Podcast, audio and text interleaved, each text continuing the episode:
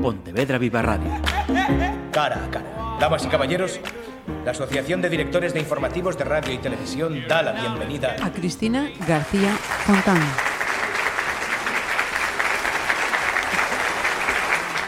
Cristina García Fontán es arquitecta y profesora de urbanismo y paisaje en la Escuela Técnica Superior de Arquitectura de A Coruña. Es natural de Cotobade y estos días su nombre ha estado en los medios de comunicación por su trabajo en el proyecto de rehabilitación de los baños de San Justo de Cotobade. Así que, primero de todo, Cristina, bienvenida y gracias por acompañarnos. Muchas gracias a vosotros por invitarme.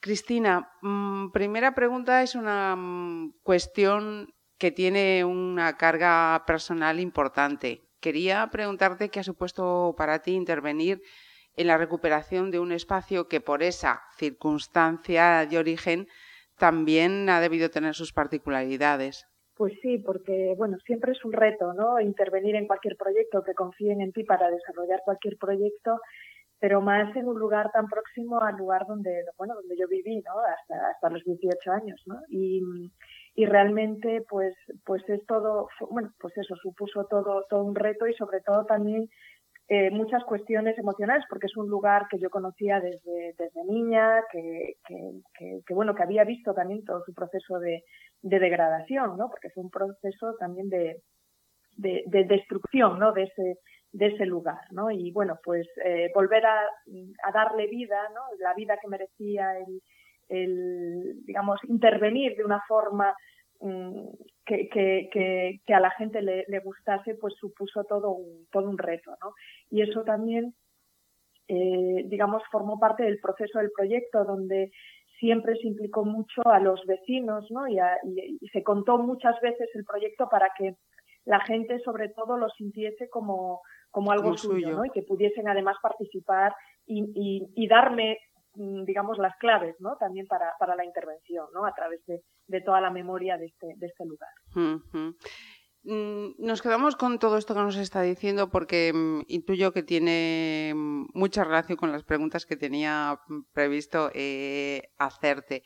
Has dicho que habías visto su, su, degradación, ¿no? Y te iba a preguntar ahora que cuando se te propuso esta, este proyecto, esta actuación, qué te habías encontrado, qué tenías claro que había que hacer, contando lógicamente con las premisas que, se encargan, y qué se ofrece ahora. Bueno, eh, vamos a ver, cuando se me propone la actuación, eh, realmente lo que, bueno, digamos yo también, ¿no? Por mi, por mi eh, bueno, al, al formar parte de la, de la universidad, uno toma siempre los proyectos casi como una oportunidad de investigación, ¿no? Entonces, bueno, pues empecé a estudiar el lugar, pero no solo el lugar concreto de la intervención, sino la parroquia, a nivel de concello, qué significaba eso, a nivel territorial, etcétera, ¿no? Entonces ahí nos dimos cuenta, o eh, empecé por darme cuenta, de la dimensión de este lugar eh, y de las implicaciones de este lugar a nivel patrimonial, no solo a nivel eh, del, del, digamos, de la recuperación de las aguas, que era una, uno de los aspectos clave, sino todos los elementos que había ahí de carácter eh, etnográfico, de, bueno, de patrimonio industrial, de, eh, de, carácter paisajístico, todas las relaciones de bueno, los petroglifos que hay en un entorno próximo. Digamos que empecé a ver que esa parroquia, precisamente la parroquia de San Xuxo de Sacos, condensa una cantidad de patrimonio que, que no es normal, ¿no? No hay ninguna catedral, digamos, pero sí hay una, eh, hay una densidad de elementos patrimoniales impresionante. Y eso se merecía un tratamiento a una escala mayor. Por eso ahí nació un poco el germen del pacto por el paisaje, ¿no? De decir, bueno, hay muchísimos elementos distribuidos en este territorio muy próximos y que pueden ayudar a la revitalización de este lugar, ¿no? No se trata de hacer cosas puntuales, sino de tratar las cosas como sistemas casi, ¿no? Como un sistema eh, que podía generar, digamos que a través de la, de la intervención en este proyecto puede tener una dimensión mayor, ¿no? Y de ahí el necesitar la implicación de diversas administraciones y también de los vecinos, eh, como, como, asociación de vecinos y asociación de montes, etcétera, para eh, entre todos luchar por un proyecto. ¿no? Bueno, eh, es, esto lo que ha llevado es a, digamos, que, que, la gente se implicase desde, desde el principio, ¿no? En el desarrollo también del, del, proyecto. Hubo unos temas de gestión complejísimos, ¿no? Por parte del ayuntamiento que resolvieron de forma increíble, como fue la, la recuperación de la titularidad municipal del, de la antigua central eléctrica. Bueno, diversas cuestiones que hubo que eh, gestionar previamente a poder eh, materializar el proyecto, ¿no? Y fue un proceso lento, mm, pues desde el año 2013, ¿no? Hasta, hasta hoy y que, bueno, donde mucha gente se implicó y mucha gente trabajó, ¿no? Entonces, digamos que, bueno, yo me he sentido muy, muy arropada, ¿no? Durante todo este tiempo. Eh, reformulo entonces la siguiente cuestión, porque como bien nos acabas de, decir, al igual que has hecho con este proyecto y anteriormente con otros, estudias todos esos aspectos eh, materiales como inmateriales del espacio en el que vas a trabajar y entiendo que en este caso además, más que condicionarte, te han ayudado a tener más claro el proyecto como arquitecta que tenías encargado. Pues sí, claro, todas las, digamos, en primer lugar, estudiar los elementos que ahí había, ¿no? Que, tienen una memoria, una historia, ¿no? Eh, pues cuatro molinos, una casa del molinero, la antigua central eléctrica. Bueno, digamos que, que todo esto que, que, se quedó en desuso por una por un cambio, ¿no? Por una transición energética. Al final estamos viviendo ahora una transición energética y ecológica, ¿no? Eh, digamos, eh, bueno, hacia las energías renovables y aquí había todo un, uso, ¿no? De la energía del agua eh, del agua del río con, con una intensidad ¿no? y, que, y que correspondía con una explotación también del territorio y del paisaje que se, que se abandonó, ¿no? que, bueno, pues que se quedó obsoleta en un cierto momento y, y, se, y se abandona. Entonces, bueno, pues lo, lo, lo importante también es eh, escuchar las historias, ver las fotografías antiguas, ver lo que era este lugar para mucha gente, ¿no? Y eso, y eso era, era importante, ¿no? Y también, bueno, pues eh, intentar sobre todo ver cómo era este paisaje antes, ¿no? Porque, porque no es, no es el paisaje que hay ahora, ¿no? tan denso, tan lleno de vegetación, que refleja, digamos, el, el abandono ¿no? de, de, este, de este espacio. Y bueno, pues era recuperar esa memoria anterior, que fue un proceso también muy, muy interesante. Y hablando de memoria anterior, teniendo en cuenta tu vinculación familiar con la piedra, con la cantería, y como estamos eh, diciendo, tu origen también ha sido otro elemento presente. Pues, pues sí, la verdad que bueno, yo soy nieta de cantero, hija de cantero y, hermana de cantero y la verdad que, que, bueno, siempre la vinculación con ese material pues ha sido importante, ¿no? Y eso se ve también en, en el desarrollo del proyecto, donde, bueno, hemos tratado de utilizar materiales muy nobles, la piedra y el mármol también como elementos fundamentales de lo que es la, digamos, los edificios balnearios, ¿no? Ya desde, desde los, los, edificios balnearios como más representativos de finales del 19 o principios del 20, donde se utilizaban, digamos, el, mármol como elemento de, para, para, construir las bañeras. Y en este balneario se trató de replicar también, ¿no? La utilización de esos materiales nobles, sobre todo porque responden muy bien ante la abrasión de este agua, ¿no? Que es un agua pues muy, muy eh, agresiva ¿no? Con, con, los materiales y que, bueno, pues tanto la piedra como el mármol responden bien ¿no? a, este, a esta agresión. Entonces, bueno, el uso de, de materiales eh, nobles, aunque tratados de una forma muy rústica ¿no? y muy austera, eh, pues, pues hace que, que fuese un poco la esencia de esta intervención. Ajá. Eh, hablemos de paisaje, eh, Cristina, porque lo has citado. Este eh, la remodelación de, o recuperación de los baños de San Justo, es el primer eh, proyecto de ese pacto por el paisaje que asumió la Asunta y que ofrece a los ayuntamientos la recuperación de espacios naturales degradados. ¿Es ingente el trabajo que se puede o se debe hacer? Pues sí, la verdad es que es que a través de este instrumento, ¿no? que está recogido en la ley del, paisaje, eh, bueno, pues digamos que ese pacto hace que se establezca, como comentaba antes, un compromiso entre administraciones y también entre, entre diversos actores locales eh, para, para, el desarrollo de, áreas concretas. ¿no? Eso, este instrumento lo que establece es pues ese compromiso general, ¿no? Ese, eh, es, es, algo que ya se utiliza mucho también en, bueno, en la ley catalana, ¿no? En la ley del paisaje catalana y que se, se importó de alguna forma a Galicia y que, y que yo creo que es, que es clave para, para entender mm, la, la necesidad de, de bueno, pues de, de establecer estos proyectos a largo plazo, proyectos que, que, engloban más de la rehabilitación de un edificio y que es la recuperación de un, de un paisaje. Estamos en Galicia, bueno, llenos de, de zonas a recuperar ¿no? y a revalorizar, tanto desde el patrimonio arqueológico como el patrimonio arquitectónico, industrial, etcétera, eh, etnográfico, que, realmente necesitan de este, de este instrumento para poder llevarse a cabo. Volviendo a la historia de los baños de San Justo, no quería dejar pasar el, el vínculo que habían tenido con, con, esta ciudad, concretamente con Moyabao, donde a finales de los años 30 se abría Fabril Gallega de Jabones y donde se estuvo elaborando ese jabón Carmiña con las aguas medicinales de Justo. Te voy a pedir, Cristina, que nos cuentes, por favor, cómo, cómo llegas tú también a estas dos eh, circunstancias. Pues sí, la verdad es que fue una conexión muy interesante. Yo llegué a, bueno, eh, realmente me llegó, llegó a mí el conocimiento de esto a través de, de José Chas, ¿no? un fotógrafo que, que, que, me contacta para decirme que, que bueno, que él conocía, eh, supo de, del, del, manantial de aguas de San Justo a través de, del, de la fábrica, ¿no? De la fábrica uh -huh. de jabones, ¿no?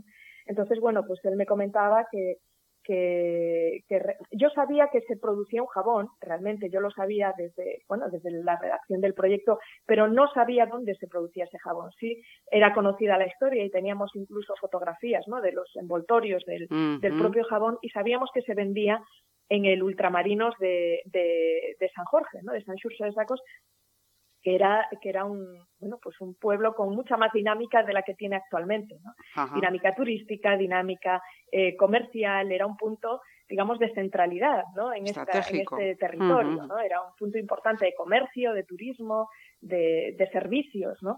Ahí estaba el cuartel de la Guardia Civil, bueno, y sí que sabíamos que había este jabón de San Justo y que además eh, que había sido una cosa posterior a que, por ejemplo, el, el incluso el digamos, la fábrica de jabones de La Toja intentó comprar o intentó hacerse con el manantial, ¿no? Y los vecinos ahí se, se opusieron se totalmente y no y no le dejaron, eh, digamos, no no vendieron o no cedieron el manantial a, a jabones de, de, La Toja. Entonces, sí, después se, se, hacían estos jabones, pero yo creía que incluso era una producción local, pero no. Cuando me contactó eh, José, José. me uh -huh. decía que eh, esos jabones se producían en la fábrica gallega de jabones, que estuvo en funcionamiento creo que hasta el año 44, y uh -huh. que a partir de ahí pues es una bueno pues es una fábrica en ruina que, que todavía queda, ¿no? En, ahí en, en.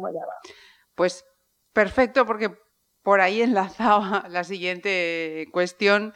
Fue, veo que el, el, mismo nexo de unión el que nos llevó a esa, a esa misma historia a ambas. Cristina, como arquitecta, precisamente quería preguntarte por eh, ese proyecto de, José Chas llamado Memoria Industrial de Galicia, en el que recopila imágenes de espacios industriales que han tenido su huella en, la historia más o menos eh, reciente. Es también otro patrimonio que se está perdiendo si no se ha perdido ya. Pues sí, la verdad que, digamos, no es que Galicia tuviese un pasado industrial eh, digamos, como puede haber ¿no? en otros lugares de Europa, pero sí que es muy singular ¿no? y está recogido además en muchas publicaciones y, y yo creo que ese que los elementos ¿no? que había de ese, de ese pasado industrial son muy importantes, ¿no? porque además aunaban casi siempre la relación con la pesca, con, con la, la materia prima, con la elaboración y, y, con los bueno, esos primeros momentos ¿no? de, de, de desarrollo industrial en Galicia, que tienen que ver con finales del 19, principios del 20, uh -huh. que tienen que ver también con la fábrica de la luz, ¿no? que, que, que, que se acaba de rehabilitar como balneario, pero que es, es, un, es un elemento de patrimonio industrial y con uh -huh. toda una serie de intervenciones ¿no? en el paisaje, como son los canales, los depósitos, etcétera, que también pretendemos recuperar. y que formaban parte de, ese, de ese pasado, ¿no? de, cómo, de cómo se empezó a generar ¿no? la electricidad, de cómo, de cómo empezaba ese proceso ¿no? industrial. Y yo creo que José Chas hace una labor impresionante, en, sobre todo en, digamos, en la recopilación y el mostrar esas arquitecturas que tienen, que tienen una gran, una gran calidad, ¿no? Y que, y que muchas de ellas, pues, pues eso, están, eh, mientras están en proceso de abandono, todavía están. El problema es cuando... Cuando ya no queda nada. Cuando ya no queda nada, y, queda poca, poca memoria porque había poca fotografía original de la época, etcétera. Entonces, bueno, yo creo que, hay que poner la mirada en ese tipo de, patrimonio y, sobre todo recuperarlo. ¿no? Mucho de ese patrimonio también tiene la, complejidad ¿no? de encontrarse en, en, esa franja de protección de costas que no deja eh, muchas veces, que no facilita ¿no? La, intervención y la recuperación, sino que exige mantener el mismo uso y que eso a veces en, el caso de Galicia pues es una cuestión muy, muy compleja ¿no? y que hace que gran parte de ese patrimonio esté, esté en ruinas y que bueno, pues ahora empieza a haber otras iniciativas, bueno, digamos que ya hay iniciativas desde hace tiempo, ¿no? En, en tratar de, de, revertir un poco eso e intentar incentivar esos, esas recuperaciones, pero, pero es complejo, es algo muy, muy complejo. Pero bueno, que debemos tener en cuenta. Para terminar, Cristina, mm, ¿de qué se trata, en qué consiste, eh, por favor, ese grado de paisaje interuniversitario que, si no tengo mal entendido, coordinas y que mm, en, pocos sitios se, se ofrece? Pues sí, realmente, bueno, es una, la, formación de paisajista, eh, nosotros hacemos a través del grado en paisaje, a través de la, de la bueno, que, se, que es interuniversitario porque es un título compartido entre la Universidad de Santiago y la Universidad de A Coruña. Eh, realmente es un, es un grado que a nivel internacional es, es muy, muy conocido y muy eh, digamos, muy habitual, ¿no? En países como Francia, Inglaterra, incluso Portugal, se forman paisajistas desde los años 50. En España es un título nuevo. Eh, desde, hace, desde hace cuatro años se viene impartiendo en Madrid, eh, luego comenzamos nosotros en, Coruña, Coruña y Santiago, bueno, Coruña y Lugo, perdón, porque se imparte en, Lugo, y, y ahora también se imparte en Barcelona. La formación del paisajista es algo que viene también impuesta por, por las políticas europeas y por la necesidad de tener profesionales especializados en, para realizar intervenciones en el, en el paisaje, tanto urbano como en, en el paisaje rural, para colaborar también en aspectos de planificación urbanística. Eh, para, para, trabajar con cualquier cosa que tenga que ver con la intervención en el, en el verde urbano. ¿no? Tan necesario que, digamos, tantas políticas eh, vienen, digamos, de la Unión Europea a través de la infraestructura verde urbana, a través de la regeneración de las soluciones basadas en la naturaleza que están como tan, eh, digamos, eh, ahora mismo, ¿no? En boca de todos los que intervienen en espacio público, etcétera, en las ciudades y en los, y en los entornos más, más rurales y sobre todo en la, la visión sistémica también del paisaje, ¿no? De pensar que no son intervenciones puntuales, sino que hay que tener esa visión territorial bueno, pues estos profesionales que se forman a través del grado tienen esa visión, eh, tienen esa formación multiescalar, territorial, ambiental, muy importante, tiene una gran carga ambiental este, este grado, para intervenir, realizar proyectos, realizar planificación, realizar gestión, realizar intervenciones en grandes infraestructuras, colaborar con ingenieros, arquitectos, etcétera, para el, digamos, la, mejora del paisaje, ¿no? Todo este proceso de transformación paisajística que, que se prevé, ¿no? En breve, eh, necesitamos, necesita de profesionales especializados en eso, ¿no? Y eso es el, el, en qué consiste el, el ser paisajista. Ajá. Pues lo acaba de explicar eh, Cristina, que es que una de las participantes en esa regeneración del Monte de Gozo, por si os queréis hacer una, una composición o un ejemplo también de lo que nos está explicando. Pues eh, Cristina, muchísimas gracias por habernos acompañado este tiempo aquí en Pontevedra Viva Radio. Muchísimas gracias a vosotros y un saludo a todos. Pontevedra Viva Radio. ¿Me permiten que les haga un comentario como espectadores del programa Cara a Cara? Según un reciente sondeo de mercado, ustedes disponen de estudios e inteligencias superiores a la media. Sus intereses abarcan desde la actualidad mundial y la ciencia hasta el deporte y los espectáculos.